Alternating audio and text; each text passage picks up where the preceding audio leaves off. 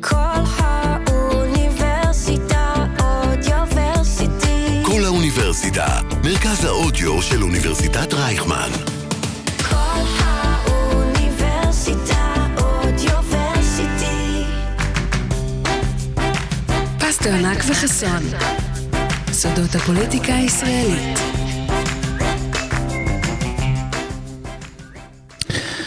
פסטרנק וחסון, ומיד יהיה איתנו יואל חסון על הקו, סודות הפוליטיקה הישראלית, ה-12 בינואר. אנחנו פותחים את 2023 בסערה, בחושך פוליטי. הממשלה החדשה עוד לא עשרה ימים בשלטון וכבר דוהרת לשינוי משטרי, לשינוי שלא היה כמותו, לפגיעה בדמוקרטיה אה, שלנו ולמעשה ביטול בית המשפט העליון. זו לא רפורמה משפטית, זו מהפכה משטרית שעליהם הכריזו אה, יריב לוין וראש הממשלה נתניהו בשבוע שעבר. אנחנו ב-106.2 FM וגם אתם יכולים לשמוע אותנו, מי ששומע אותנו בערב בספוטיפיי, אני אורן פסטרנק. איתי מיד יהיה על הקו אה, יואל חסון שינחה איתנו בהתחלה, עורך התוכן הראשית ענת גריבלום, רוני רב בהפקה, רזי יהודאי פה איתי אה, על הקלידים. יואל חסון, אחר הצהריים טובים. אהלן, שלום פטרנק, איזה פתיחה מדויקת.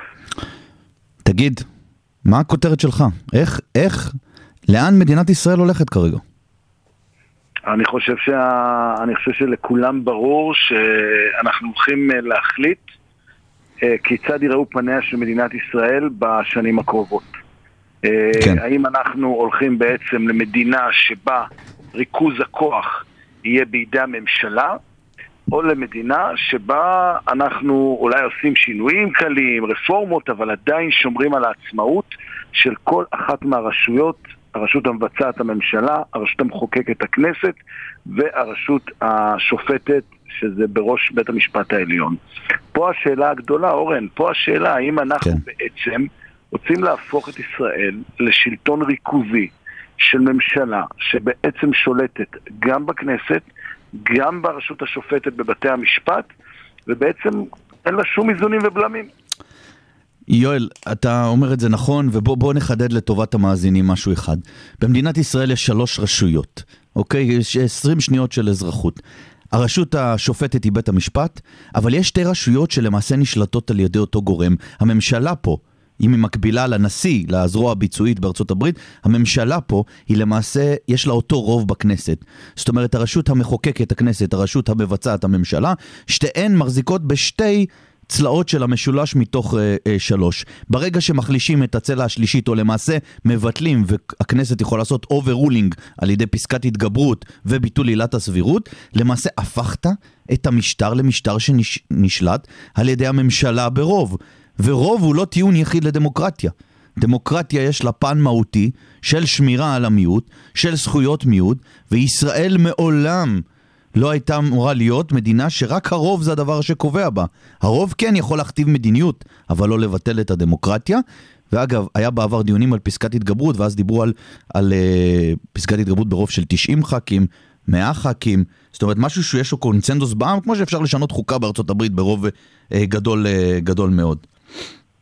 תראה, לפי כל המדדים, מדינת ישראל נתפסת כאחת המדינות הדמוקרטיות והליברליות ביותר בעולם. נכון, אגב, בזכות אהרון ברק אה, וה, וה, והפסקי דין שלו.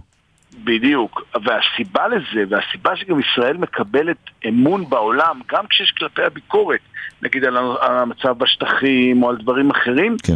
ישראל מקבלת ניקוד גבוה כמדינה דמוקרטית, פתוחה וחופשית, שיש בה צדק בגלל האיזונים שקיימים עד היום, בגלל שיש בית משפט עליון דעתן, בית משפט עליון שיודע גם להגיד לממשלה בשלב מסוים עד כאן, בית משפט שבעצם, אגב, אם תסתכל בהיסטוריה שלנו בשנים האחרונות, החופש במדינת ישראל נקבע על ידי בית המשפט העליון.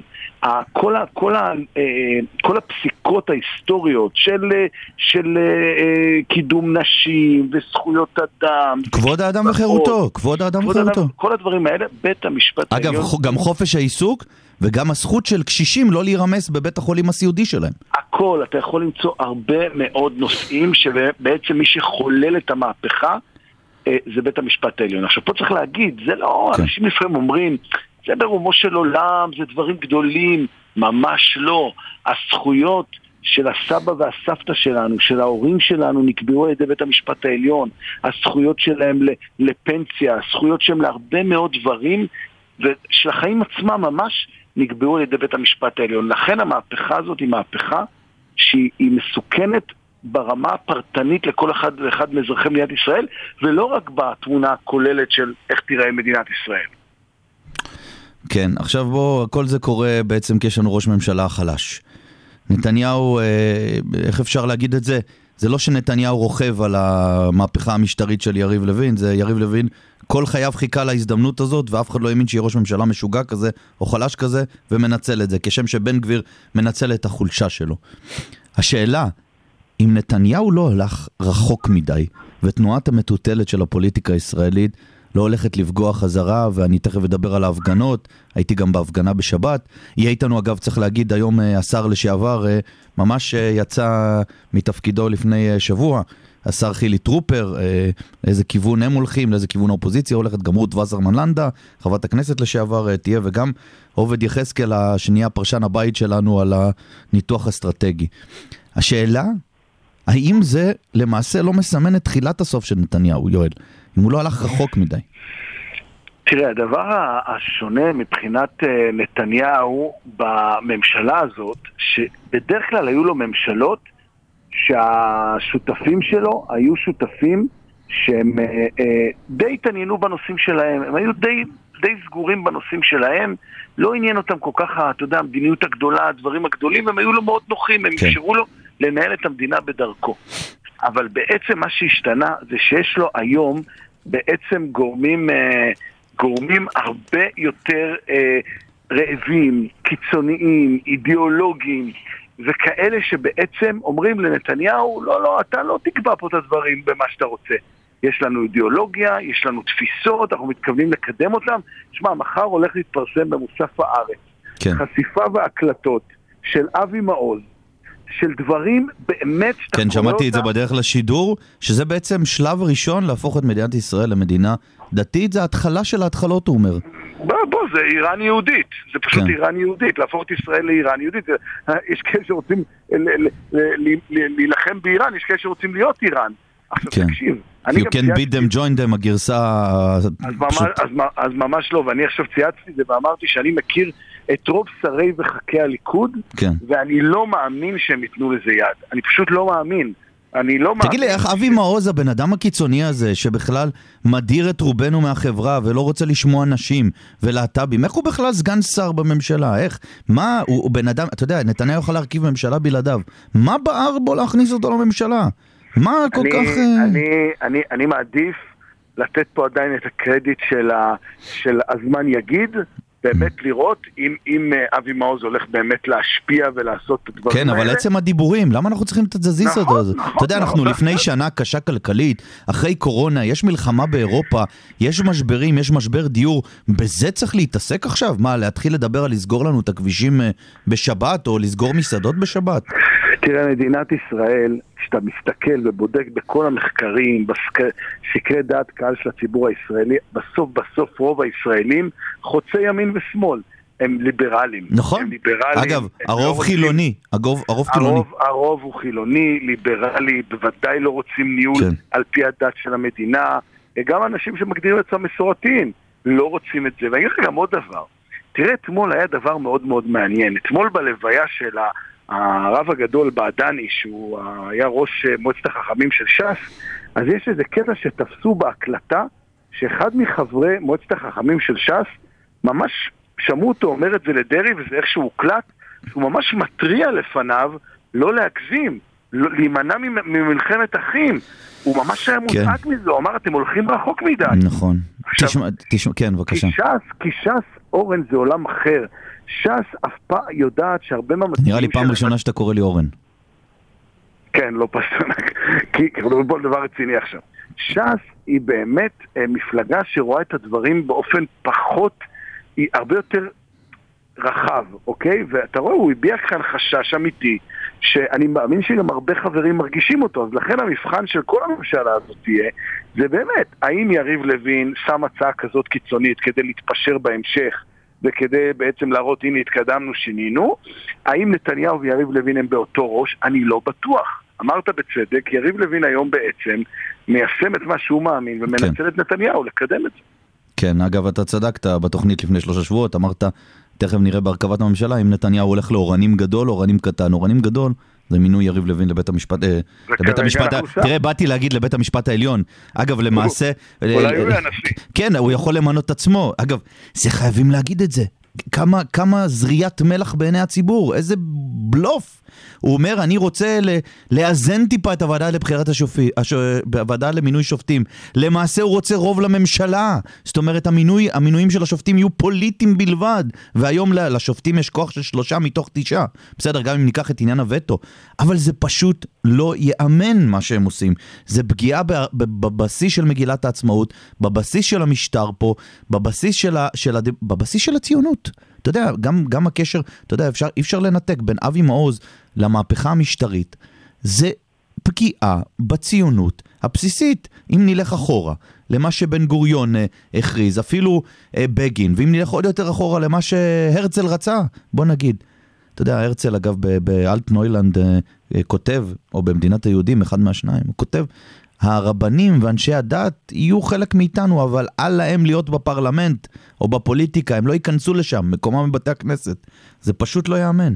עכשיו צריך, צריך להגיד רק עוד משפט אחד ואז אני רוצה לשמוע כן, אותך. כן, בבקשה. אה, אה, אה, נושא של אה, הפיכת היועצים המשפטיים בתוך המשרדים למינויים פוליטיים זה הוספת חטא על פשע. אני לא יודע אם הוא הכניס את זה כעז או לא, זה להפוך אותם להיות חותמות גומי. הרי עד היום יועצים משפטיים במשרדים היו נבחרים אה, אה, במכרזים, אנשים שאמורים לעצור את השרים לעשות דברים לא שוויוניים ולהגיד להם, הלו, הלו, אין בעיה, אתה יכול לעשות את זה אדוני השר, אבל זה לא יעבור מבחן בג"ץ או מבחן אה, שוויוני. זה לא, הם לא נועדו להתוות מדיניות כמו שהם מנסים להגיד. השרים מתווים מדיניות. התפקיד של היועצים המשפט- המשפטיים להיות שומרי הסף. מה שהוא רוצה זה כל שר יביא, מה שהוא רוצה לעשות, כל שר יביא עורך דין שלו וישים אותו בתור יועץ משפטי. זה פשוט לא ייאמן. והנושא של עילת הסבירות, על זה עוד נדבר בהמשך. עילת הסבירות בכלל לא קשורה לימין ושמאל. זה קשור ל... לאדם הסביר ולפגיעה מידתית וסבירה באזרח שהשלטון עשה לו עוול. אגב, זה פוגע בקשישים, באנשים, גם בימנים. אגב, גם בהתנתקות הופעלה עילת הסבירות. ובוטלו כל התיקים הפליליים ושוחררו הרבה מפגינים שהיו, אגב, אני בעד. היה רגע של קרע בעם, אני לא בעד להעמיד לדין כל מי שהשתתף בהפגנות, ושוחררו אנשים. אז מה הוא בא ואומר? בוא נפרק גם את זה, זה הולך לפגוע בו בחזרה. כן, יואל. תראה, אני אגיד לך משהו. קודם כל, אה, אני נגד שלטון הפקידים. אני אמרתי את. זה אגב שנים, ואני חושב שמדינת ישראל היא עדיין מדינה בירוקרטית מאוד. הפקידים בה עדיין רבי השפעה מאוד ויכולים, גם אם ללא סמכות, בעצם לסכל מדיניות של דרג נבחר. וזאת בעיה, זאת בעיה בהגדרה אגב, היא לא בעיה, לדעתי הבעיה דווקא הכי קטנה היא בשלטון הפקידות המשפטית, מה שנקרא, היועצים משפטיים, שם לדעתי הם, הם, הם הרבה פחות משפיעים, יש מקומות הרבה יותר כן. קשים שפקידים נמצאים בהם וממש מעכבים ומשפיעים. אבל, כדי, ובין השאר בשנים האחרונות היו שינויים, לדוגמה, בעבר, בצדק, וטוב ששינו, היה מצב שיועץ משפטי של משרד יכל להיות for all life, כל החיים שלו. כל החיים שלו, אף אחד לא היה מחליף אותו בכלל. אז הנה, בשנים האחרונות עשו הקצבת כהונה. ויועץ משפטי חדש שמתמנה היום מקציבים את כהונתו. אין בצדק, ספק- בסדר. אין ספק שצריך איזונים ובלמים, אבל מכאן ועד שכל שר יבחר בבחירת אמון בטח. את, ה, את היועצים המשפטיים שלו, זה, זאת אנרכיה. טירוף זאת מערכות. אנרכיה, ואני אגיד לך גם עוד דבר בעיניי. זה לא רק אנרכיה לנו כציבור ולמדינה, זה גם בסוף ירייה בראש לאותו שר. כי כן. בעצם היום מי שמונע מהרבה שרים לעשות טעויות, שיובילו אותם לחדרי חקירות ושיובילו אותם לחקירות ולוועדות, זה יועצים משפטיים ששומרים עליהם. תכף, תכף ש- באמת תהיה איתנו. המ- כן. המשפטי שלך הוא יסמן שלך, הוא לא יגן עליך מלקבל החלטות שיפגעו בך. מהמם. ובסוף זה ירייה בראש לשר, ופגיעה ביכולת שלו לקבל החלטות חכמות, נכונות ובטוחות עבורו. כן, תכף יהיה איתנו באמת אה, מישהו שעד לפני אה, מספר ימים היה שר. כן. כן, כן, זה חשוב אה, להבין את זה. יואל, אתה תהיה בשבת בכיכר הבימה? אנחנו נהיה, אתה תהיה, כרגיל. בסדר גמור. אנחנו, תודה. יואל, תודה רבה לך, ואנחנו מיד נהיה עם השר לשעבר חילי טרופר על הקו. תודה רבה. ביי ביי. ואיתנו על הקו אה, נמצא חבר הכנסת חילי טרופר, אה, עד לפני עשרה ימים שר התרבות והספורט. חילי, צהריים טובים. צהריים טובים מאוד. איפה אני תופס אותך? האמת, בדרך דרומה עם הילדים. מהכנסת. עושה- אה, הפוגה לפני ההפגנות? כן, אתה יודע, צריך לנהל את החיים במקביל. יש גם את המעגל האישי וגם המעגל הציבורי. ברור שהוא מאוד מטריד, אבל כאן זה מתערבב, אבל... חילי, אתה היית שר עד אה, ממש לפני אה, כמה דקות. אה, דיברנו עם יואל בהתחלה על, על כל הנושא הזה, שזה לא רפורמה משפטית, והממשלה החליטה לדרוס בכל הכוח וללכת למהפכה מהפכה משטרית. תוכנית אורנים גדול של נתניהו ולוין. מה אתה חושב על, על כל המצב הזה ואיך איך, מתכוננים להמשך? אני, אני חושב שמערכת המשפט אה, צריכה לעשות שינויים. היה מוטב שהייתה עושה את זה אה, בש, בשנים שקדמו, כשעוד היה אפשר אה, אולי לייצר את זה באווירה אחרת. אה, אבל אה, שום דבר לא יפתור את זה כשאתה בא להרוס את המערכת, ובהרבה מאוד מובנים, חלק מהתוכניות של יריב לוין חסרות האיזונים הבסיסיים. כל, ה, כל התפיסה של דמוקרטיה עובדת על שיש איזונים כל הזמן. כן. אם הרפורמה הזאת תיושם, הרי שהכוח יהיה בידי הפוליטיקאים, באופן בלתי מוגבל כמעט, זה אף פעם לא טוב, ובכלל לא רק בפוליטיקה, גם בחברה האנושית. אה, אנשים ללא, שאין עליהם מגבלות, דבר לא טוב לחברה האנושית. לא משנה אגב בא מימין, שמאל, דתי, חילוני, לא צריך להפוך את זה מיד לוויכוח הפוליטי הרגיל. יש לי באמת דאגה עמוקה שיש פה תוכנית שנעדרת האיזונים הכי בסיסיים, שבסוף כולנו נשלם עליה את המחיר. חילי, אתה יושב ראש המפלגה שלך, אבל אמר בהתחלה בוא נשתף פעולה, צוות משא ומתן, ועכשיו אה, ביומיים האחרונים החריף את הטון. אמר צריך ללכת למרי אזרחי, להפגנות, אני אגב בעד הגישה הזאת אה, אה, יותר. השאלה אם, אם זה לא הזמן, כי אני טוען שזו פגיעה חמורה בדמוקרטיה, וזה להרוס את, ערכי, את הבסיס של הציונות ומגילת העצמאות. בגלל השיטה שלנו, שלמעשה בית המשפט העליון זה השומר היחיד, כי הכנסת והממשלה היינו הך. ל- לאן- כן, בוא- ל- תראה, בוא נדייק. בני גנץ לא אמר בשום מקום מרי אזרחי. כן לצאת לרחובות, כן להפגין, אבל אנחנו במחנה הממלכתי דבקים בתפיסתנו שהכל צריך להיות על פי חוק. הוא מאבק לגיטימי, הוא מאבק חשוב, הוא מאבק צודק. אנחנו נהיה שותפים בו, אנחנו נהיה מהמובילים שבו. אבל אנחנו לא נשבור את הכלים, יש לנו מציאות. כן, חילי, אתה מתנתק לנו. חילי? חילי, אתה מתנתק לנו, יש לך בעיות קליטה שם. אנחנו מתקשים לשמוע את uh, חבר הכנסת חילי טרופר. כן, ננסה להעלות אותו uh, מיד uh, שוב על הקו, הוא בנסיעה בדרום. תכף נמשיך את הדיון החשוב על זה. מיד יהיה איתנו שוב השר לשעבר, חבר הכנסת חילי טרופר. וחזר אלינו חילי טרופר על הקו. כן, דיב- דיברת. רק אה, זה היה חשוב לי לדייק. בני גנץ, מהמחנה הממלכתי, לא קראנו בשום מקום למרי אזרחי. זה לא השפה שלנו, זה לא הדרך שלנו. יש לנו חברה אחת, צריך להיזהר מלקרוע את החבל. המאבק הוא חשוב, אנחנו נצא לרחובות, אנחנו נפגין, אבל זה יהיה רק בצורה חוקית ולגיטימית. עכשיו, שואל אותי על הסכמות, כן. אם בצד השני תהיה נכונות אמיתית להגיע להסכמות, אז זה הרבה יותר חשוב מרק להרגיש נורא נורא צודקים, אבל להפסיק בהכל ולקרוע את העם. למרות זה- שהייתם איתו בממשלה, חילי. אתם כבר נכוויתם מנתניהו. זה לא קשור, עכשיו זה, זה לא, אין, אין, אין דיבור או שיח על להיות איתו בממשלה. סיפור האם אפשר להגיע להסכמות, מה יעלה בכנסת, איזה הצעות חוק יעלו בכנסת, זו השאלה. כרגע הם הולכים בכל הכוח על הצעות חוק קיצוניות, נטולות איזונים, ולכן אנחנו נאבקים, לא אם הם יבואו איתנו וישבו איתנו לשולחן ויגידו בוא נשב, אנחנו רוצים לעשות, אה, אנחנו מוכנים לוויתורים כדי להגיע להסכמה יותר רחבה, ואני חושב שכל שינוי אה, כל כך דרמטי, בטח בעולם האיזונים בדמוקרטיה, חייב הסכמות הרבה יותר רחבות, לנצל רגע שיש לך איזשהו יתרון אה, פוליטי, ואתה יודע, זה, זה רע בכל מקרה, וגם אפילו טקטית מבחינתם, אז היום זה יקרה, שיתחלף שלטון הוא יבטל את זה, זה לא, לא, לא ראוי לנהל ככה. ברור, ב- ב- ברוב. רגעי- ברוב רגעי אתה לא יכול לשנות אה, ביסודות של דמוקרטיה, בוודאי. נכון, לכן אנחנו כן מציעים, עדיין, ההצעה בעינה עומדת. לו הם רוצים לבוא לשולחן עם נכונות לפשרות כדי להגיע להסכמות רחובות. אנחנו נשב איתם, לא נוכל לוותר על הכל, אבל אנחנו ננסה להגיע להסכמות רחובות. במידה ולא, אה, חילי, אבל אתם קוראים לעצמכם המחנה הממלכתי. בסדר, אני בעד ממלכתיות, אגב, אחת הבעיות שנשברו פה בשנים האחרונות זה שאין ממלכתיות. השאלה אם זה לא השלב לא להיות ממלכתי, אלא להפשיל שרוולים, ובאים אל, באים אלינו, אלינו, כי זה בסוף יפגע בך ובי, אה, באותה מידה. באים אלינו עם פטיש 20 קילו, ואתם אומרים בוא ננהל משא ומתן על גודל הפטיש. אולי זה הזמן להגיד, עכשיו לא מנהלים משא ומתן. קודם כל, ואולי זה הסיבה שיש ראש ממשלה כל כך חל- חלש עם שלושה כתבי אישום, שכולם רוכבים עליו, בן גביר ולוין, לא הוא רוכב עליהם. לא וזה הבנתי, הזמן מה ההצעה שלך? מה ההצעה שלך? להילחם בכל הכוח נגד הממשלה הזאת, אם זה מה זה הכיוון. להילחם בכל הכוח?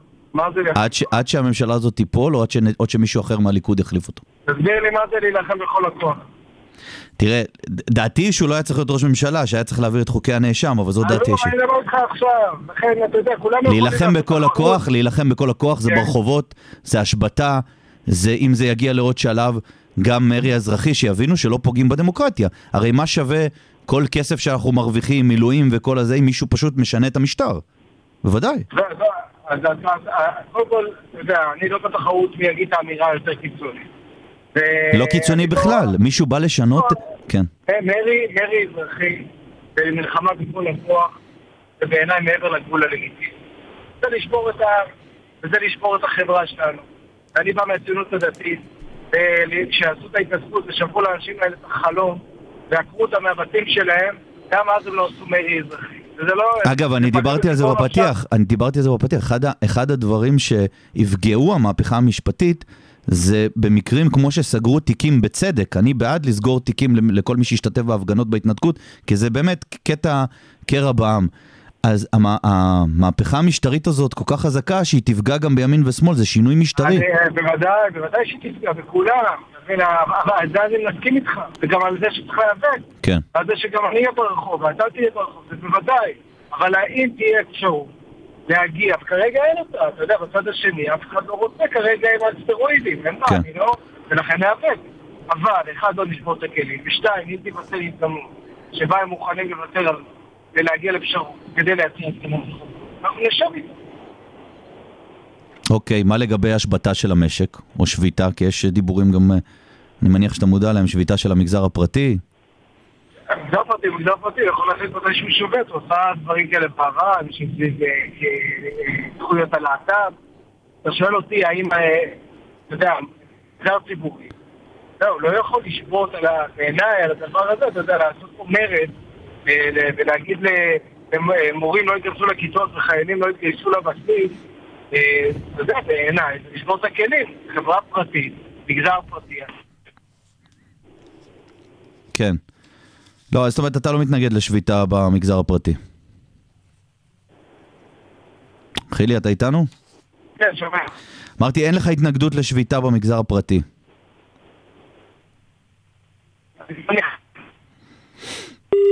הדרום מעלים שוב את uh, חילי, ננסה עוד פעם uh, להעלות אותו, ונעשה ניסיון אחרון על מנת לסיים את הריאיון המעניין הזה. והנה חילי חזר אלינו ב... מנבחי הדרום, בין ערים ובין סלעים. אני רואה שעדיין צריך לפרוס עוד סיבים בארץ, סליחה. שצריך אה, לפרוס מה? עוד סיבים, נו, יועז הנדל התחיל, עבודה טובה, למה? בעבודה מעולה, אני רואה, נכון, מתברר שיש דרך. אולי במקום לסגור את התאגיד, שיתעסקו בלשפר את הקליטה בכל מקום בארץ. כן, ואת מי שמו שר תקשורת? מי שאומר שצריך לחסל את התאגיד גם. תשמע, לגבי המגזר הפרטי, כן. טוב, אתה יודע, זה עולם פרטי, כל, כל, כל אזרח, כל חברה פרטית, שמחליטה לשבות כמחאה על, על משהו. אה, זו, זה בוודאי זכותה, זה גם, אתה יודע, זה מראה על מעורבות חברתית. כן. חילי, אני רוצה לשאול אותך שאלה אחרונה, הד- הדעה שלך ברורה, מכיר אותך גם אה, לא מעט שנים, היינו ביחד גם בדברים. אה, היית שר אה, ספורט שבאופן מפתיע אה, אהוד על כולם, גם כולם ראו נראה לי באולפן שישי ב- בסופש האחרון אה, איזה טקסי פרידה היו לך, וכל התעשייה שהתחילה... שאתה נכנסת לתפקיד בדיוק בזמן הקורונה במשבר הכי גדול, וסיימת עם זה עם תמיכה, אפילו מיקי זוהר, השר הנכנס, אומר אני אמשיך את התוכניות, את התוכניות שלו. אז שתי שאלות לסיום. אחד, מה חסר לך והיית עושה עוד במסגרת הספורט והתרבות. והדבר השני, וזה קשור לעניין הספורט, זה הנושא של, אה, של האלימות אה, אה, בספורט, או האלימות המשטרתית, אל- אלימות של אוהדים, נושא שצובר תאוצה, לצערי, אני מכיר את זה גם מהמגרשים בשנים האחרונות. תראה, ב- אה, קודם כל תודה- תודה על הפרגון, ושמחתי לעשות אה, לא מעט דברים, בוודאי שיש עוד דברים שהיינו רוצים לעשות, בתרבות זה בעיקר, לא כל אזרח יבין מה המשמעות של זה, אבל בסוף זה יתגלגל עליו, ושינוי כל המנגנונים של התמיכה במוסדות תרבות, הרבה מאוד בירוקרטיה, הרבה מאוד סרבול, חבל, בוא נקל, נאפשר, היינו בזה באמצע המהלך, אה, מקווה שמיקי ימשיך אותו. לגבי ספורט, גם הדבר שהייתי רוצה עוד לעשות, והוא קשור גם למה שאמרת, זה כמובן אה, תופעת האלימות בספורט.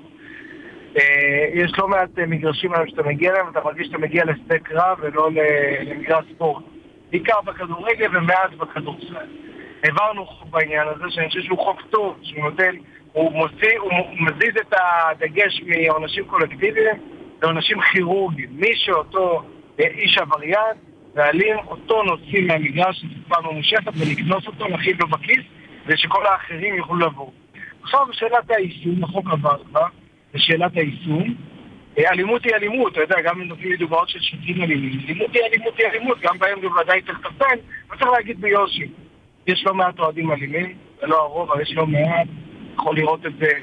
כן, אבל הש- השאלה אם המשטרה לא נכנסת לבאר שפיקח לא היה נכנס ממנה לפני זה. באנגליה למשל אין שוטרים ביציעים, רק במקרים חריגים, כמו דוגמת המשחק של אה, מכבי חיפה בנתניה.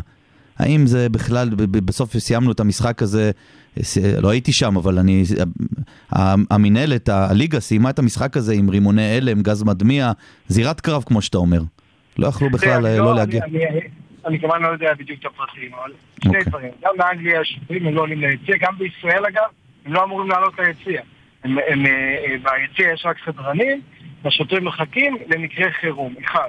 שתיים, בישראל זו לא מדינה שיש פריבילגיה שלא יהיו שוטרים, כי הדבר העיקרי ששוטרים עושים זה כמובן לבדוק אה, עניינים ביטחוניים. כן. העובדה שבודקים בישראל בכל מקום, בטח בכל מיני ריכוזי קהל, צריך שוטרים שם, שידאגו לביטחון של האנשים מעבר לסידורי התנועה וכולי.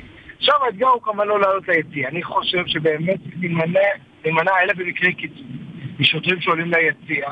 זה גם הסיכומים שלי עם המשטרה, מה שלא תמיד עומדים בהם, אבל הסיכום הוא שגם אם שוטר, גם אם עכשיו ראית מישהו עושה, אתה יודע, אם מישהו מוציא סכין או יש אלימות, אין לך ברירה להפריד. אבל אם הוא זרק משהו למגרש, תצלם את זה, ובהפסקה, או בסוף המשחק, תתפוס אותו, תקנוס אותו ותרחיק אותו. זה כן. בדיוק מה שהחוק אמור לעשות, לצמצם את החיכוך, לצלם את האנשים העבריינים, ובהם באופן כירורגי אה, לטפל. אה, אתה יודע, היה דרבי תל אביבי, אני חושב שזה היה לא לפני כמה חודשים, 25 דקות המשחק נעצר, לא סוכן. כן, אוקיי. ולכן, ולא בגלל שוטרים, אתה יודע, צריך גם להגיד לה את- את האמת גם לפעמים לאוהדים. לא השוטרים הפנו לזה, לא השוטרים מנעו את זה ולא השוטרים דרכו. 25 דקות, אה, והייתי במשחק הזה. כן, עם התוספת זמן אגב, הכי, עם הזמן פציעות הכי ארוך, ב, ב, ב, לפי דעתי בכל אירופה היה במשחק שבבלומפילד. נכון, ואתה יודע, וכולנו אוהבים תמיד להגיד אירופה, אירופה זה היה מביך. כן. ראית שגם כשהקבוצות הישראליות משחקות באירופה, האוהדים שלנו לא פעם נקנסים, זה לא הסטנדרט המקובל באירופה. אז כל השוואה לאירופה, ביקשתי אה, לבדוק מול לא כל המדינות, אתה יודע, יש מקומות שעדיין יש אה, לא מעט בלאגן ואלימות, אבל מול מדינות שהיינו רוצים להידמות אליהן, יש ירידה דרמטית באלימות בספורט, לעומת זאת בארץ יש עלייה מדאיגה. זו משימה של השר הבא להמשיך את מה שהתחלנו. יפה. חילי, מה המשפט לסיום, מה אתה מאחל למדינת ישראל ל-2023? שכולנו ניזהר מלהשליט מכורים, כי יש ידי דלק באוויר, ואתה יודע, מי שזורק גפור אחד, אתה לא יודע איך האש תשתולל ותפגע בכולנו. אז המאבקים הם חשובים, עמדתי לא הסתרתי אותה, אה, גם עמדתך לא הסתרת אותה, אבל עדיין כולנו צריכים לנהוג באחריות. יש לנו פה אה, חברה אחת, מדינה אחת, ארץ אחת.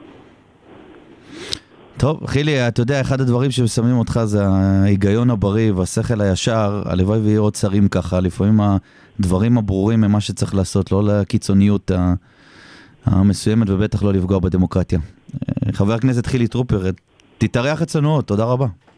תודה לך ובהצלחה, שבת שלום. שבת שלום, תודה רבה. טוב, זה אכן היה מעניין. אה, אחד הדברים שחבר הכנסת טרופר אומר זה שמרי אזרחי זה לא דרכנו, מצד שני לא מתנגד להשבתות, אה, השבתה של המגזר הפרטי. אה, גם השיח על האלימות בספורט הוא מאוד חשוב, כי זה נושא שמהממשלה מקרין אה, למטה, אה, לדעתי. אני עדיין חושב ש, ש, שבני גנץ רך מדי, ולא מבין את גודל האירוע. ואני מאוד בעד, ממלכ... מאוד בעד ממלכתיות, אבל כשבאים אליך עם פטיש של 20 קילו, אתה לא מנהל משא ומתן את גודל הפטיש, אתה קודם כל עוצר את מי שמרים עליך את הפטיש ונוהג באלימות, ואז מנהל משא ומתן עם מישהו אחר. אה, מיד תהיה איתנו אה, חברת הכנסת לשעבר רות וסרמן לנדה, גם היא הייתה בכחול לבן, היא הייתה גם אה, שגרירה בפועל אה, במצרים. אה, קצת גם על העניין המדיני והתגובה של האמריקאים אה, למצב הזה. מיד אה, רות אה, תהיה איתנו על הקו. ואיתנו על הקו חברת הכנסת אה, לשעבר אה, רות וסרמן לנדה. רות, אחר הצהריים טובים לך. אחר הצהריים טובים. את כולם אנחנו, תודה רבה, את כולם אנחנו תופסים היום בנהיגה. מקווה שלא כולם בורחים מהארץ לאור המהפכה המשטרית של אה, לוין. חס וחלילה, אני עליתי לארץ בגיל 17, אין סיכוי. מדרום אפריקה, נכון? מדרום אפריקה, אני לא אגיד אין סיכוי, כי אסור להגיד דברים אבסולוטיים. אה, כן. החיים אה, משתנים, אבל הסיכוי שאני ארד מהארץ מאוד מאוד נמוך. כן, אני מרגישה שלכולנו חובה לעשות פה טוב. כן, האמת שהמקום היחיד שאת יכולה לברוח מהארץ עם רכב זה למצרים, האמת היא גם ירדן, ולמצרים את היית, אז זה מקשר אותי בדיוק לשאלה הראשונה. כן. האם, ו- ואני אתחיל דווקא ממשהו מעניין, כי עם חילי דיברנו על המהפכה המשטרית ועל ההפגנות, ועם יואל חסון קודם שהיה איתנו בפתיחה. האם העולם הערבי מסתכל עלינו לדעתך, ואומר, מה קורה שם בישראל? תכף נדבר גם על התגובה המדינית והאמריקאים. אני אגיד לך יותר מזה, ההיעדר אה, לכידות אה, והיעדר אחדות בינינו אה, כן. מאוד מאוד מחלישה, מחליש את, ה, את ההרתעה שלנו בעיניים של האויבים שלנו. זה ת- מאוד ברור. רואים את זה בבלוגים, כן. רואים את זה ב- בשיחות סלון באולפנים בערבית. זה דבר שהוא מדובר. זה לא רק במצרים. זה בהרבה מאוד מקומות. כן, ואת היית ממלאת מקום שגריר במצרים. עכשיו, את יודעת, רות, את, את אה, היית עד לפני דקה וחצי חברת כנסת, אתם בקדנציה הקודמת, יכלתם למנוע את זה. חוק אחד היה צריך לעבור כדי למנוע את זה, חוק הנאשם. היו אנשים שלא רצו לחוקק חוק שהוא פרסונלי מסיבות אה, ברורות. אני, זה קצת מצחיק לדבר על זה עכשיו, שחוק אחרי חוק אחרי חוק בעצם הוא... פרסונלי הוא לא לגמרי. מאשר פרסונלי, בדיוק. אה, אז כן. אה, בהחלט אה, בדיעבד נראה כמו מאמץ, אה, הייתי אומרת אפילו... אה, מיותר, אבל אה, כן, יש הגינות למחוקקים מסוימים שלא רצו ש... מי חוץ מאיילת שקד? איילת שקד זה ברור, אבל לדעתי גם אתה, אבל מי עוד מה- מהמפלגה לא, שלכם? לא, גם? היו, היו, היו גורמים, היו גם מיכאל ביטון אה, לא מאוד רצה לחוקק חוקים פרסונליים, היו לא מעט אנשים שהתנגדו לחוקק חוקים שנועדו אה, או, או כוונו לאדם כזה או אחר, ובמידה לא מבוטלת של צדק, על מנת שהחוק יהיה מקיף ולא יפגע בגורם כזה או אחר. אגב, מה פרסונלי בעובדה שמישהו עם שלושה כתבי אישום לא יכול לכהן? כל אדם, גם אה, אם עוד עשר שנים יהיה, נראה לי די הגיוני, בקום המדינה לא חשבו על דבר כזה. אני, אני אישית לגמרי בעד שאדם, לא משנה מי הוא, כן. מי היא, שהורשע בדבר שהוא אסור על פי החוק, זה אותו דבר, זה משול ל- בעצם לרמות את הציבור. לא משנה... לא, גם נאשם, גם. גם נאשם, שינהל את משפטו, יזד- יזדכה, ואז יחזור לפוליטיקה. בטח לא לנהל אז ממשלה. פה, אז, פה, אז פה יש מחלוקת. האם זה צריך להגיע לרמה שבאמת הורשעת, או אתה, אה, אה, מספיק שאתה כבר נאשם, ו, ופה יש מחלוקת, יגידו לך אותם אנשים שבעצם תומכים באדם, כן. מי הוא בית המשפט? ופה המחלוקת הגדולה, ויש הרבה מאוד אנשים בציבוריות הישראלית היום שאיבדו מידה לא מבוטלת של אמון בבתי המשפט בגלל ההתערבות כביכול, האקטיביזם השיפוטי הזה. אבל, אבל, אבל, אבל הנשיאה. הנשיאה חיות דווקא נתנה לו את המנדט במרץ 2020, בדיוק עמד לפתחה, והיא אמרה, נכון, מבצר לא נופל. אגב, זו נכון. טעות בעיניי. היא הייתה, כי אף אחד לא הגיע אף פעם לפתח בית המשפט העליון ב-75 שנה. אה, ראש, מועמד לקבל את המנדט עם שלושה כתבי אישום, אף אחד לא חשב שזה יגיע לזה, ואז היא אמרה, אני, אני נותנת לו, טעות אגב בעיניי, היא יכלה למנוע את זה, אבל אני לא רוצה שבית המשפט ימנע, אני רוצה בחקיקה, לכן אני פונה, המפלגה שלך, מפלגת העבודה, יש עתיד, יכלתם לחוקק עובדה, שהרי הרי הפרקטיקה מראה לנו שאי אפשר לנהל מדינה עם שלושה כתבי אישום, הרי זה אבסורד, זה, זה טירוף מערכות, כולם מנצלים את החולשה שלו. זה לא קשור ל. לימין או שמאל. אין לי בעיה שמישהו אחר מהליכוד יהיה ראש ממשלה. אבל, אבל זה בדיוק העניין. זה לא קשור לימין או שמאל. האמות מידה, הערכיות, נכון. המנהיגות לא קשורה לימין או שמאל. ומה שקרה בציבוריות הישראלית, ומה שקורה זה שעמדות מסוימות בעד אקטיביזם שיפוטי, נגד אקטיביזם שיפוטי, בעד העמדה שאתה כרגע הבעת, אה, אם אה, אה, האדם נאשם או הורשע וכיוצא בזה, יכול לכהן, לא יכול לכהן, זה אוטומטית מיוחס לאם אתה ימין או שמאל. ופה אני מסכימה איתך, זה לא ימין וזה לא שמאל, זה בעצם המדינה. נכון. הציונות, ופה אני עוד פעם מזכירה מילה שאמרתי אותה בהתחלה, הלכידות החברתית, האחדות הזאת, אנחנו מרשים לעצמנו כולם, אגב כולם, כן. לא רק מי שבשלטון כרגע, כולנו מרשים לעצמנו במידה לא מבוטלת להיכנס לתוך הפריזמה הזאת של מה זה ימין ומה זה שמאל, המחנאות הזו, וזה יהרוס אותנו, אפרופו האויבים שלנו. הם פשוט מסתכלים מבחוץ, כערביסטית אני רואה את זה, וממש מ- מ- מ- מחכים שאנחנו נמשיך. כן, חברה.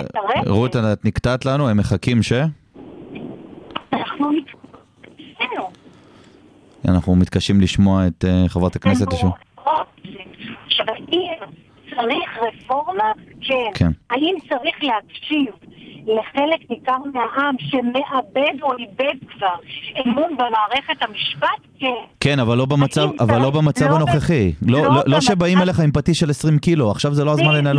בדיוק, כן, בדיוק. אוקיי. לא בצורה ענקית כזו, כן. ברוטלית כזו, והם אומרים שהם יקיימו דיונים בחדרים אה, שנועדו לכך, ה- הוועדות בכנסת, אבל זה לא מספיק, אני הייתי בכל הוועדות. צריך לנהל... רות, אנחנו, את נקטעת לנו, אה, אם את יכולה רק לעצור אה, בצד, פשוט יש בעיות בקליטה. לצערי או, עכשיו אנחנו שומעים. או, הנה, עכשיו אנחנו שומעים. אותך. כן. אז אני אומרת שראוי לנהל דיון נאות, רחב, אה, שלאורך זמן, כדי לאפשר לפחדים של הצד השני לא לא לקחת בחשבון פחדים של אותו צד שהוא נגד האקטיביזם השיפוטי, שהרבה אנשים כועסים עליו, ואני יכולה להבין את זה. לא משנה אם אני מסכימה או לא, אני יכולה להבין את זה. אבל לא לפסול, כמו שאתה אומר, עם D9 את כל המהפכה שנעשתה על ידי השופט... אה, ברק, לא, ברק. לא, אגב, לא, בעיניי לא כזאת מהפכה, הוא פשוט לקח מה שהמחוקק עשה עם כבוד האדם וחירותו וחופש העיסוק, ויישם את זה. אה, אותם, אותו אקטיביזם שיפוצי, אה, סליחה, המהפכה החוקתית, שהימין מתגאה בנו, כמה יש לנו בית משפט עליון דמוקרטי, שנים זה הגן עלינו בעולם, אז עכשיו נכון. הרבה צביעות יש פה בעניין הזה. וגם איך הגענו, למצ... איך, איך. הגענו למצב שאני איש מפלגת העבודה לשעבר, נטייה שמאלה, קצין במילואים, אה, אה, עובד, אה, אה, משלם מיסים, מרגיש חשש לעובדה שעוד מעט יעצרו אותי על, על דעותיי. אה, במיוחד אחרי שלפני שעתיים אנחנו שומעים את הדברים, את ההקלטות של אבי מעוז. זה, אה, איך, איך אמר? D9, אבי- D9. אבי מעוז, אני מאוד מקווה, ואני רוצה להאמין שלא יהפוך להיות קול מכריע בטרללת הכללית הזו של מחנאות. מה שאנחנו רואים היום. אצל ביבי כל, ופה- כל, כל אה, דאלים גבר אה, ברגע שיש לו שלושה כתבי אישום. כל אחד. למה הוא נתן לו סגן שר? את זה, את זה אני לא מבין עדיין. תראה, הוא נתן לו סגן שר, אני מניחה, משום שבאיזשהו מקום האדם הזה נותן לו איזושהי רשת ביטחון. השאלה כן. מה עושים מנגד. האם אנחנו בעצם מתחפרים גם אנחנו בעמדות שלנו, ובעצם זה הם ואנחנו, או שאנחנו בעצם נופלים בדיוק לאותו הבור, לאותו עומק רות, אני חושב ש, שבקרוב. נכון, אבל בקרוב את תביני שאת לא נמצאת בפריזמה שלו, זאת אומרת, הבן אדם רוצה, את, אני בכוונה אומר, את כאישה, חברת כנסת לשעבר, מצליחה, מבחינתו נשים לא צריכות להיות בעמדות מפתח, כמו להט"בים, כמו שמאלנים, בן אדם מסתובב עם רשימות וחבר, אה, לאן הגענו? וחבר בממשלת ישראל. זה בן אדם, בן אדם. בן אדם שצריך להיות מאחורי סורג ובריח, לא. בממשלת ישראל בכלל, אין שיח איתו בכלל. מזעזע ובלתי מתקבל על הדעת, כל הרשימות הללו, בכלל השיח של אבי מעוז. אבל אני רוצה לשאול אותך שאלה. כן. החברה הישראלית חזקה, החברה הישראלית האזרחית, אנרגטית, תאפשר נכון. לנשים לא להיות בפרונט, תאפשר ללהט"בים לא לקבל או... אני, אני אגיד לך יותר מזה, אני רוצה שיהיה ראש ממשלה אישה. אני מחכה ביום שתהיה ראש ממשלה אישה, זה בעזרת ירגיע. פה את הקומפרסור אולי. בעז- בעזרת השם, בעזרת השם. בעזרת... תראה, אנחנו התחלנו עם זה, כן? אנחנו הובלנו את זה עם גולדה מאיר, אני כולי תקווה שעוד אה, נגיע שוב. אולי כן, לא מחר בבוקר, היינו. הראשונים, כן, הם גולדה, נכון. תראי, יש ציפי, יש נשים חדשות, אולי את יום אחד, אי אפשר לדעת. תגידי, איך, ה, איך הממשל האמריקאי לדעתך רואה את זה? ראינו התערבות של אה, אנשי ביידן ואומרים אנחנו מודאגים ל, לפגיעה ב, באיזונים ובבלמים ובבית המשפט העליון ואולי בכלל, חושבת- אולי בכלל מי שיעצור את המהפכה המשטרית המטורללת של אה, יריב לוין זה, זה החבר'ה בוושינגטון. אני יודעת שביבי בעצמו מוטרד באופן כללי מכמה צעדים של אה, סמוטריץ', של בן גביר, אה, מה... עליהום בעולם. מצד שני, אני חייבת לומר לך, כמי שמאוד מעורה בזירה הבינלאומית, מאוד עוקבת אחרי הרבה מאוד התבטאויות, אנטישמיות גואה, אה, דברים שה-BDS חוגג עליהם, יש הרבה מאוד צביעות גם. הזירה הבינלאומית ממהרת תמיד להאשים ו- ובאמת אה, לבקר כן. את מדינת ישראל אה, באופן שהוא, אה, איך לומר בעדינות, כן? לגמרי לא פרופורציונלי. ובעצם אה, מסתכלת על דברים אחרים בספק אה, אה, סלחנות מאוד מאוד גדולה. וזה לא מקובל, זה לא מקובל. אנחנו צריכים לבקר את עצמנו מתוכנו, ולא כן. לאפשר לתופעות כמו אבי מעוז. ועם כן. כל הכבוד, גורמים מבחוץ קצת פחות. האם יש אה, אה, חשש מלחץ אמריקאי? בוודאי שכן. כי האמריקאים עבורנו זה לא עוד גורם, זה גורם אסטרטגי, מכריע, קריטי. אבל אני, אני חושבת שראש הממשלה הנוכחי מבין את זה היטב. השאלה כן. מה הוא יעשה בקונסטלציה הנוכחית, אם הוא יכול אה, לפעול כדי להתאים את עצמו קצת יותר. רות, מש- בינתיים הלחץ כן. הזה לא בא לידי ביטוי מעשי. מאה אחוז, אה, משפט לסיום, לאן פנייך? תחזרי לפוליטיקה? פניי, קודם כל הפוליטיקה היא לא סוף פסוק מבחינתי, כן. ופניי להמשיך ולשרת, אני אומרת מהלב, כן, בתור מי שעלתה אה, לארץ בגיל 17 בגפי, מהמם. אה, גם מבחינה ציבורית וגם מבחינה מעשית וגם בעזרת השם אה, אה, להיבחר גם מחדש, אבל גם כשאני... אה, הוא לא צריך לערב אותו בזה, הוא לא צריך לערב, הוא לא קשור לזה, זה בסדר, יש... אה, נראה לי השפיע עלייך גם, אה, לא, לא, סמוטריץ', אני כן. אני רוצה להגיד לך, כן. הכל, הכל, הכל, ככה אני מאמינה. כן. בזכותו, ככה בעזרתו, אני מאמינה את זה אגב מאז ומתמיד. למרות שאת חילונית. אני חילונית, אה, אבל אני מאוד מכבדת ואני גם מאמינה מאוד מאוד גדולה. בסדר. ואני אני רוצה להגיד שהפנים שלי לשרת את כן. המדינה הזאת, היא יקרה לי. היא ברור. יקרה לי. מאוד מאוד. ו- טוב, את שירת אותה צריכים- הרבה לפני הכנסת, זה ב- ברקורד זה שלך. נכון, ו- ואני ממשיכה גם לעשות את זה היום. בסדר, כן, אנחנו רואים אותך באולפנים. אה, אה, רות וסרמן לנדה, חברת הכנסת לשעבר, אה, תודה שהתארחת אצלנו שוב פעם. תודה רבה כל פעם. ממקום אחר, פעם שעברה זה היה מפריז, עכשיו נכון. בנסיעות, ואנחנו נשמח לארח אותך בהמשך. תודה רבה ושבת תודה שלום. רבה, שבת שלום. טוב, ונמשיך בניתוחים הפוליטיים אחרי אה, רות וסרמן אה, לנדה, ונעלה את, אה, את פרשן הבית שלנו מיד, מזכיר הממשלה לשעבר, עובד יחזקאל, מיד יהיה איתנו. ושלום לפרשן הבית שלנו לענייני מזכיר הממשלה, עובד יחזקאל. אחר הצהריים טובים. אהלן, שלום, אחר הצהריים טובים. אין ספק שרייכמן זה בהחלט בית, כאילו, לשמחתי אני גם מלמד שם, כמו שאתה יודע. יפה שאתה, יפה שאתה אומר רייכמן, אנשים עדיין מתבלבלים, אומרים בינתחומי. לא, יפה. אני מקפיד, אני מקפיד. כן, יפה, יפה מאוד. כן. תשמע, אנחנו צוחקים, אבל uh, אנחנו בימים מאוד קשים, ימים מאוד שחורים, מה שדיברנו איתך לפני שלושה, שלושה חודשים בפעם האחרונה שהתארחת אצלנו, פסקת ההתגברות, uh, ביטול עילת הסבירות, תוכנית אורנים גדול של יריב לוין ונתניהו, אש בכל מה שיש. איך ממשיכים? כן, אנחנו בהחלט, אה, אתה יודע, אני לא רוצה לצבוע אה, שחור. תצבע, אה, תצבע. לא, אני לא רוצה. אני חושב שיש כאן אה, מגה אירוע פוליטי ציבורי, חד כן. משמעי. אה, ואני מבדיל בין שני מרכיבים. אחד זה מרכיב התוכן, אה, שאני חושב שצריך לקל... לקיים עליו דיון כמו בכל סוגיה. זאת אומרת, הלוואי... כן, אבל לא שבאים אליך עם פטיש של... אה, של רגע, רגע, כן. לא, לא, שנייה. כן. מרכיב התוכן, והלוואי ונחזור לקיים באמת אה, דיוני, אה, דיוני תוכן, דרך אגב, לא רק בסוגיות המשפטיות. ברור. אני, מבחינתי, לדוגמה, אחד האירועים שאתה יודע מה, אולי בעיניי הוא כן מתקרב לאזור החושך, זה דווקא כל מיני רפורמות שעוסקות בדת ובמדינה. שהממשלה הזאת רוצה אה, לקדם, וההשפעה נכון. שלהם על חיי אזרחים היא, היא לא פחותה מהאירוע המשפטי. ומצד שני... כן, אבל האירוע המשפטי הוא גם אירוע משטרי. ברגע שאתה עובר לא, למצב של שינוי משטר. כן. חד משמעית, אבל מצד שני, המרכיב השני הוא הדרך איך אנחנו מנהלים את הדיון הזה. מהמם. ומה שיש פה כרגע זה ממשלה שאומרת שבעצם אין דיון.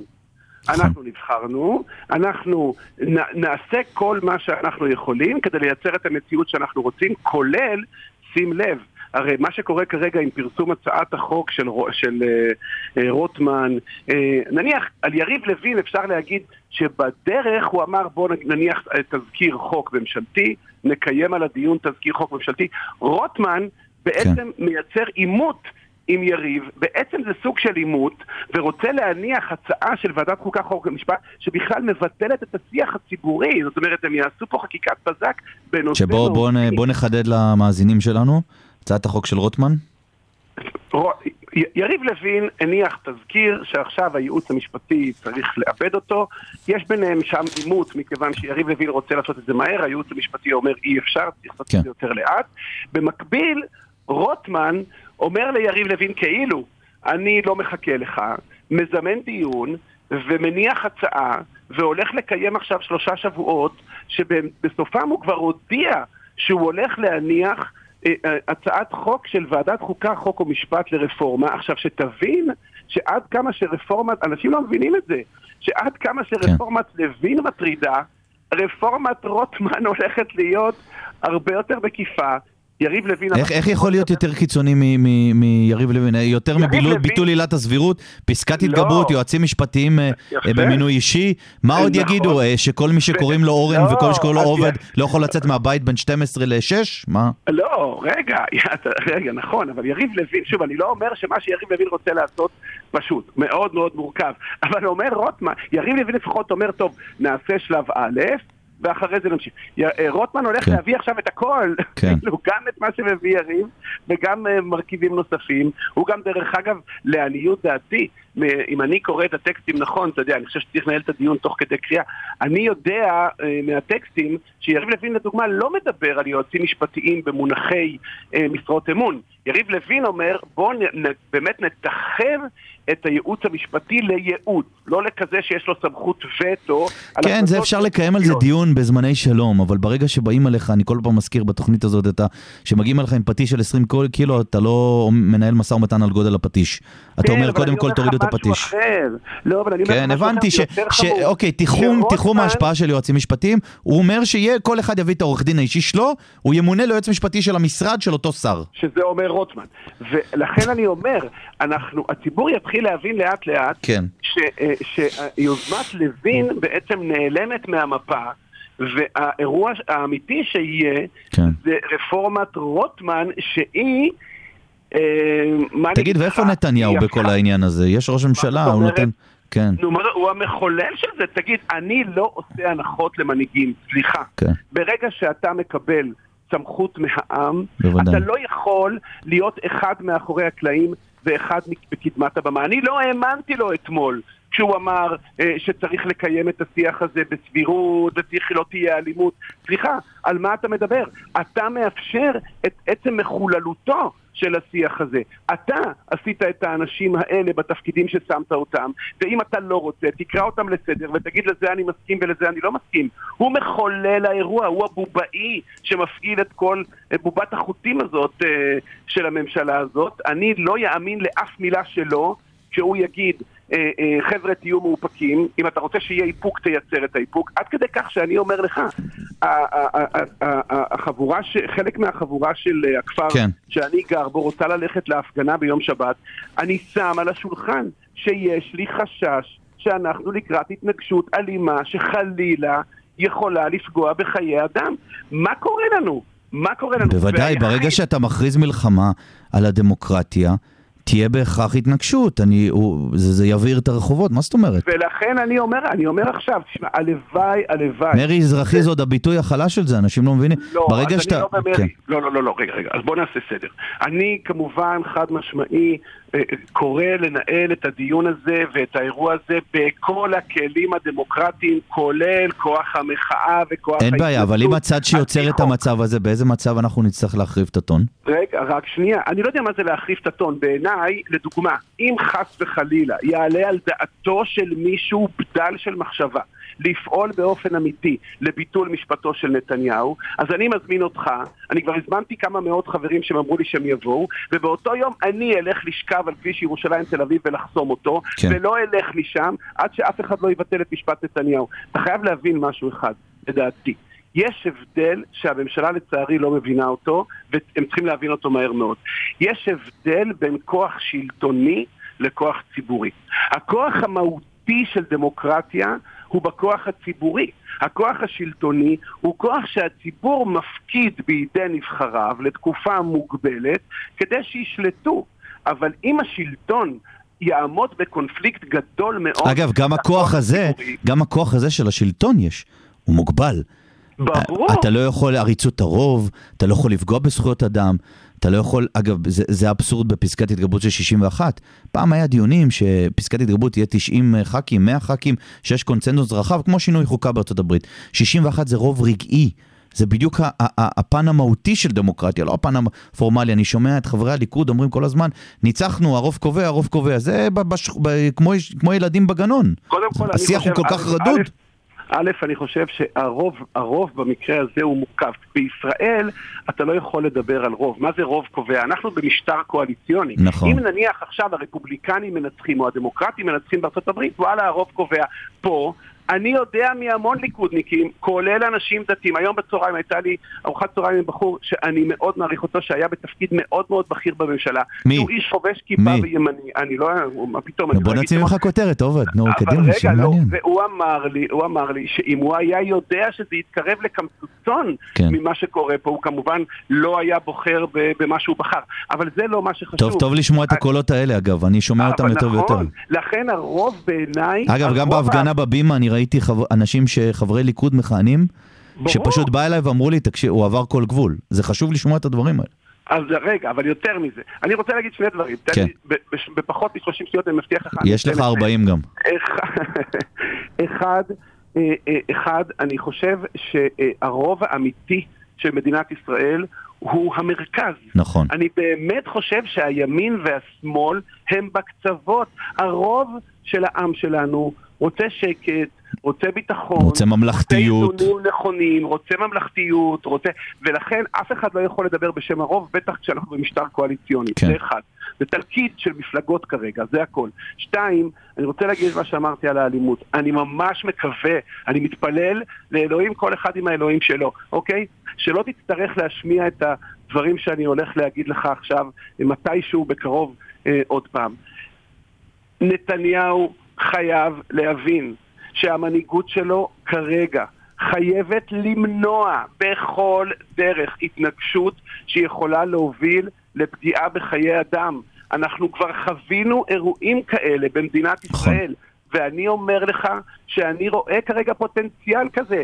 אני כן. רואה פוטנציאל של התנגשות שיכול, אנחנו מלווים פה... אתה צודק לגמרי, לצערי גם אני רואה את זה. כן. לפגוע בבני אדם, ושלא יהיה ספק, ביום שזה יקרה, האחריות היא על איש אחד בלבד, שהוא גם ראש הממשלה שלי, נכון. והוא גם ראש הממשלה שלך, והוא ראש הממשלה של נשיאת בית המשפט העליון, נכון. והוא ראש הממשלה של האזרחים הערבים של מדינת ישראל. נכון. והוא הוא לא יכול לזלזל באחריות הזאת שמוטלת עליו. אני לא מבין איך הוא ישן בלילה, אני לא ישן בלילה טוב בגלל הפוטנציאל הזה. אני כל כך מסכים. זה, זה קשה לשמוע את זה, המושג של אחריות כל כך ירד מהבמה בשנים האחרונות, וגם על ממ- ממלכתיות בכלל. אתה יודע, פעם, וזה לא קשור לימין ושמאל. גם אם בגין לא הסכמתי איתו, או שרון, שזה בתקופה שלי, שהוא לא of tea, אבל הערכתי את שרון, ידעתי שיש מבוגר אחראי. נתניהו נראה שבכל הקדנציה הקודמת שלו, 12 שנה, רק מנסה לברוח מאחריות, כמו בוועדת החקירה לא, לאסון- לא לאסון- מירון, אה, ראית איך הוא אומר, אוקיי. אני לא ידעתי, לא שמעתי. עכשיו, עכשיו זה משהו הרבה יותר חמור. והשאלה לאן מדינת ישראל הולכת, ויותר מזה, ואני אעשה לך פולו-אפ לשאלה הזאת, האם הוא לא הניע את המטוטלת של הפוליטיקה הישראלית, ימינה מדי, ימינה כמטאפורה, לא משנה הכיוון, וזה הולך to bounce back כל כך חזק, שזה תחילת הסוף שלו, תחילת הסוף הפוליטית שלו. תשמע, אני הבטחתי לעצמי כן, שאני לפחות ביני לבין עצמי לא. אנסה לא להיסחב ולא להיגרר לקיצוניות. כן, אני אומר בצורה ברורה וחד משמעית, יש לבנימין נתניהו הרבה מאוד זכויות. כן. הוא ידע לייצר במדינת ישראל, אני דרך אגב גם מאמין... לא יהיה לו שום זכויות, זכויות אם הוא יהרוס את הציונות, כן? רגע, רגע, שנייה. אני גם מאמין שעד למשפט שלו, עד שהוא כן. הפך להיות נאשם במשפט, באמת הנאמנות שלו למדינת ישראל, היא הייתה המקור המניע של הכוח שלו. אתה יודע מה? אני נוטה להסכים עם זה גם. מאותו אוקיי. רגע שהוא רק התחילו החקירות, הבן אדם עשה סוויץ' במוח, וכל מה שעניין אותו זה עסקת הטיעון שלו אישית. עכשיו, לדעתי, קודם כל יש פה לקונה חוקית.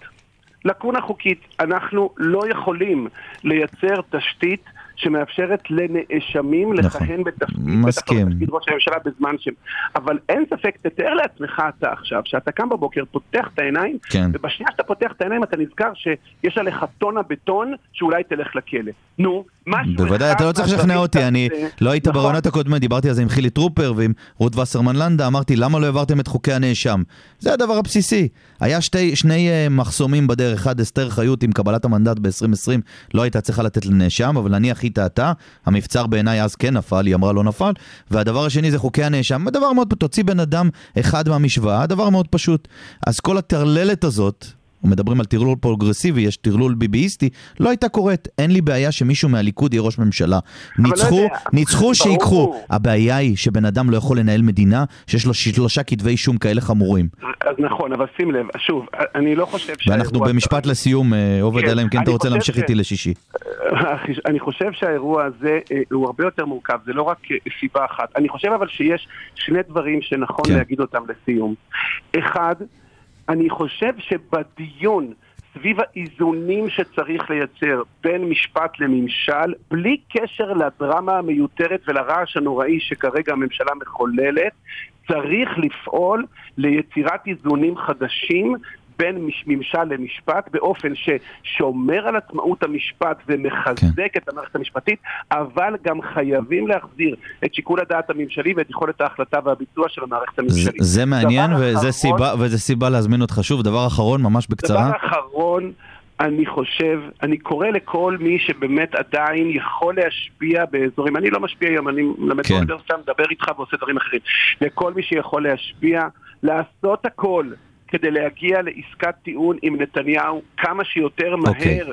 זה אינטרס של כל אחד במדינת ישראל, הוא ישחרר אותנו מהפוליטיקה, אנחנו לא צריכים את המשך המשפט שלו בעסקת טיעון, או- ואולי אז נתחיל להירגע. עובד יחזקאל, כרגיל, תענוג לדבר איתך, מזכיר הממשלה לשעבר, תודה רבה לך, ואתה תהיה. איתנו עוד, שבת שלום.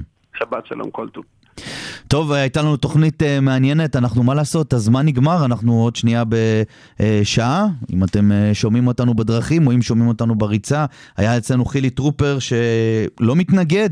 השר לשעבר ל- אה, לשביתה, מרי אזרחי זה לא דרכנו, אה, אה, עובד יחזקאל אה, פה נגע בכל הדברים. אני אורן פסטרנק, אה, יואל חסון היה איתי בהתחלה, עורכת תוכן הראשית, ענת גרינבלום, רוני רהב בהפקה, רזי יהודאי פה על הקלידים, סודות הפוליטיקה.